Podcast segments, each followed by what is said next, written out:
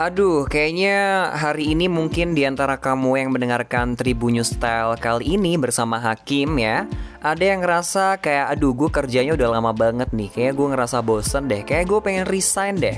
Atau ada yang gue baru kerja berapa bulan tapi gue udah gak betah di kantor gue Kayak ada yang toxic atau ada apa pun itu yang ada di kantor yang ngebikin lo kayak pengen resign aja sekarang gitu dan emang ya teman-teman, keputusan untuk resign dari sebuah pekerjaan itu hak anda, hak kamu semua ya kan ya.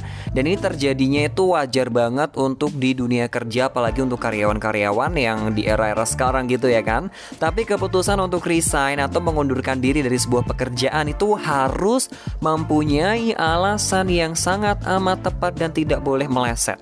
Karena sekalinya meleset barangkali kamu di kemudian hari akan menyesal gitu.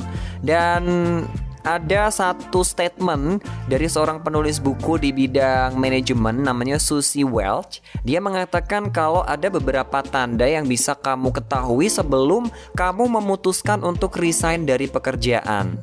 Tanda-tanda ini sudah pasti mengarah pada keputusan kamu dan emang dulu hakim pernah bilang ya ada beberapa hal yang mungkin harus kamu persiapkan sebelum resign dari pekerjaan. Ini nyambung nih sama pembahasan kita pada hari ini yang ngebahas soal tanda-tanda kamu harus resign dari pekerjaan kamu.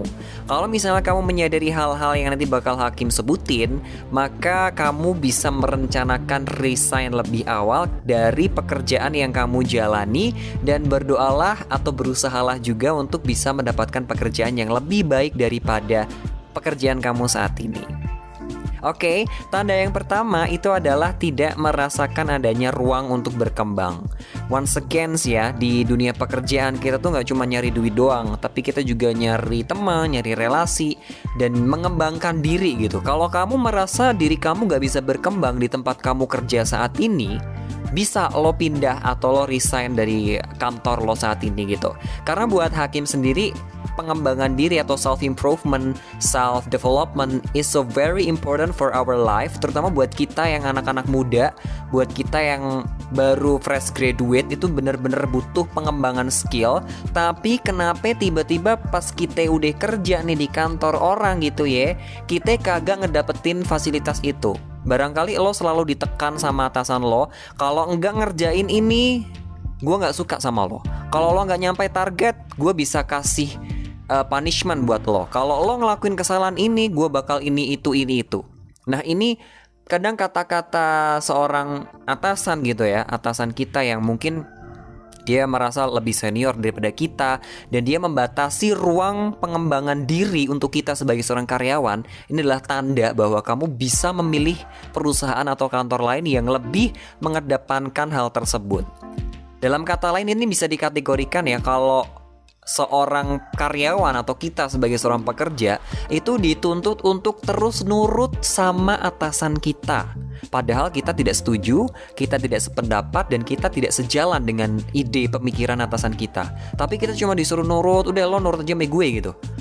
Tapi ini bener-bener yang kayak nurut terus tuh nggak enak. Lo punya hak untuk bersuara, lo punya hak untuk menyuarakan ide dan gagasan lo, lo punya hak untuk mengembangkan diri lo jauh lebih baik daripada sekarang di kantor lo saat ini. Nah, kalau misalnya kamu dapetin yang kayak gini ya, kantor yang mungkin pekerjaan lo tuh selalu dituntut sama atasan lo, lo harus nurut sama dia, ini time to resign dari pekerjaan kamu yang sekarang, Tribuners. Dan yang kedua, kalau kamu ngerasa sebuah reputasi buruk yang melekat dalam diri kamu dan itu susah untuk dihilangkan. Maksudnya gimana nih Kim? Ada beberapa orang yang punya reputasi buruk di kantor. Misalnya, lo di dalam satu project ngelakuin kesalahan yang sangat besar dan merugikan perusahaan sangat besar. Nggak cuma ngerugiin perusahaan doang tapi lo juga ngerugiin orang banyak yang ada di perusahaan tersebut. Nah ini adalah salah satu hal yang bikin reputasi lo di perusahaan itu itu jadi rendah jadi menurun. Jadi harus diperhatikan banget sekali lagi buat kamu yang ngerasa hal yang seperti ini kamu bisa memutuskan untuk resign dari pekerjaan kamu. Tapi dalam tanda kutip ya kesalahan itu benar-benar murni dari diri kamu sendiri. Kalau kesalahan itu dibuat bersama-sama, itu bisa diatasi bersama juga. Tapi kalau diatasinya atau ini adalah perbuatan murni dari diri kamu, itu yang harus digarisbawahi. Kamu bisa resign saja atau ganti perusahaan, ganti kantor, ganti pekerjaan tapi tetap penyelesaian masalah itu nomor satu sebelum kamu pergi dari kantor itu harus menyelesaikan masalah-masalah yang ada terkait juga dengan diri kamu. Ini juga sangat berhubungan erat banget ya Tribuners sama jabatan kamu atau kenaikan level kamu di mata atasan. Kalau kamu udah punya reputasi yang buruk dan kamu mau menaikkan jabatan kamu itu terbilang susah. Nah, ini yang bilang bukan hakim nih ya. Ini yang bilang adalah seorang penulis buku yang tadi hakim sebutin ada yang namanya Susie Welch. Dia mengatakan kalau ada reputasi buruk di kantor kamu, lebih baik kamu pergi dan meninggalkan saja dengan urusan yang sudah selesai, terus pindah ke kantor lain. Habis itu bisa memulai hidup yang lebih baru. Terus kemudian Tribuners ada lagi kalau misalnya kamu itu menganggap bahwa kamu tidak bisa mendapatkan kenyamanan, kamu tidak bisa bahagia, kamu tidak bisa legowo dengan pekerjaan yang kamu lakukan saat ini. Kadang ada ya di antara semua buat lo yang mungkin ngerasain hal yang sama gitu ya. Ada yang ngerasa kayak gue nggak bahagia nih kerja di tempat ini gue penuh tekanan gue selalu ini itu gue nggak bisa ngembangin diri gue disuruh nurut sama atasan gue gue nggak boleh bersuara gue nggak boleh ngide di situ. This time to resign karena yang paling penting adalah diri kamu kenyamanan diri kamu. Ya percuma lo banyak uang tapi mental lo terganggu ya kan ya? Mental lo kena terus tiap hari sama atasan atau sama rekan-rekan kerja lo yang toksik mungkin ini bisa dilakukan ya resign dari pekerjaan ketika kamu tidak nyaman dengan diri kamu sendiri dengan apa yang kamu lakukan saat ini.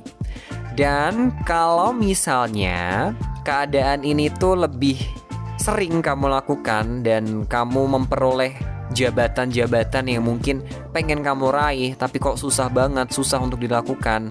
Bukan bukan berarti menyerah, mungkin itu bukan passion lo gitu. Dan ini yang terakhir yang keempat, kalau kamu menyadari bahwa sebuah pekerjaan itu is not your passion, cobalah untuk mencari pekerjaan yang bener-bener passionate banget sama kamu. Mungkin ada orang yang mikir kan kita mau nyari uang gak nyari passion. Um, I wanna say with you all yang tribuners yang dengerin gua saat ini, ketika kita bekerja dan sesuai dengan passion kita, maka rasanya nggak kayak kerjaan, bahkan kena marah pun kayak biasa aja gitu.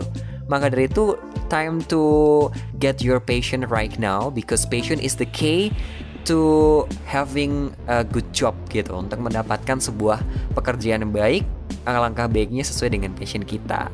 Kayak hakim sekarang gue ngobrol ngomong 10 menit 15 menit sejam gitu. Nggak masalah gue nggak ngerasa tertekan this is my passion and speaking gitu ya berbicara seni berbicara, seni berpublic speaking.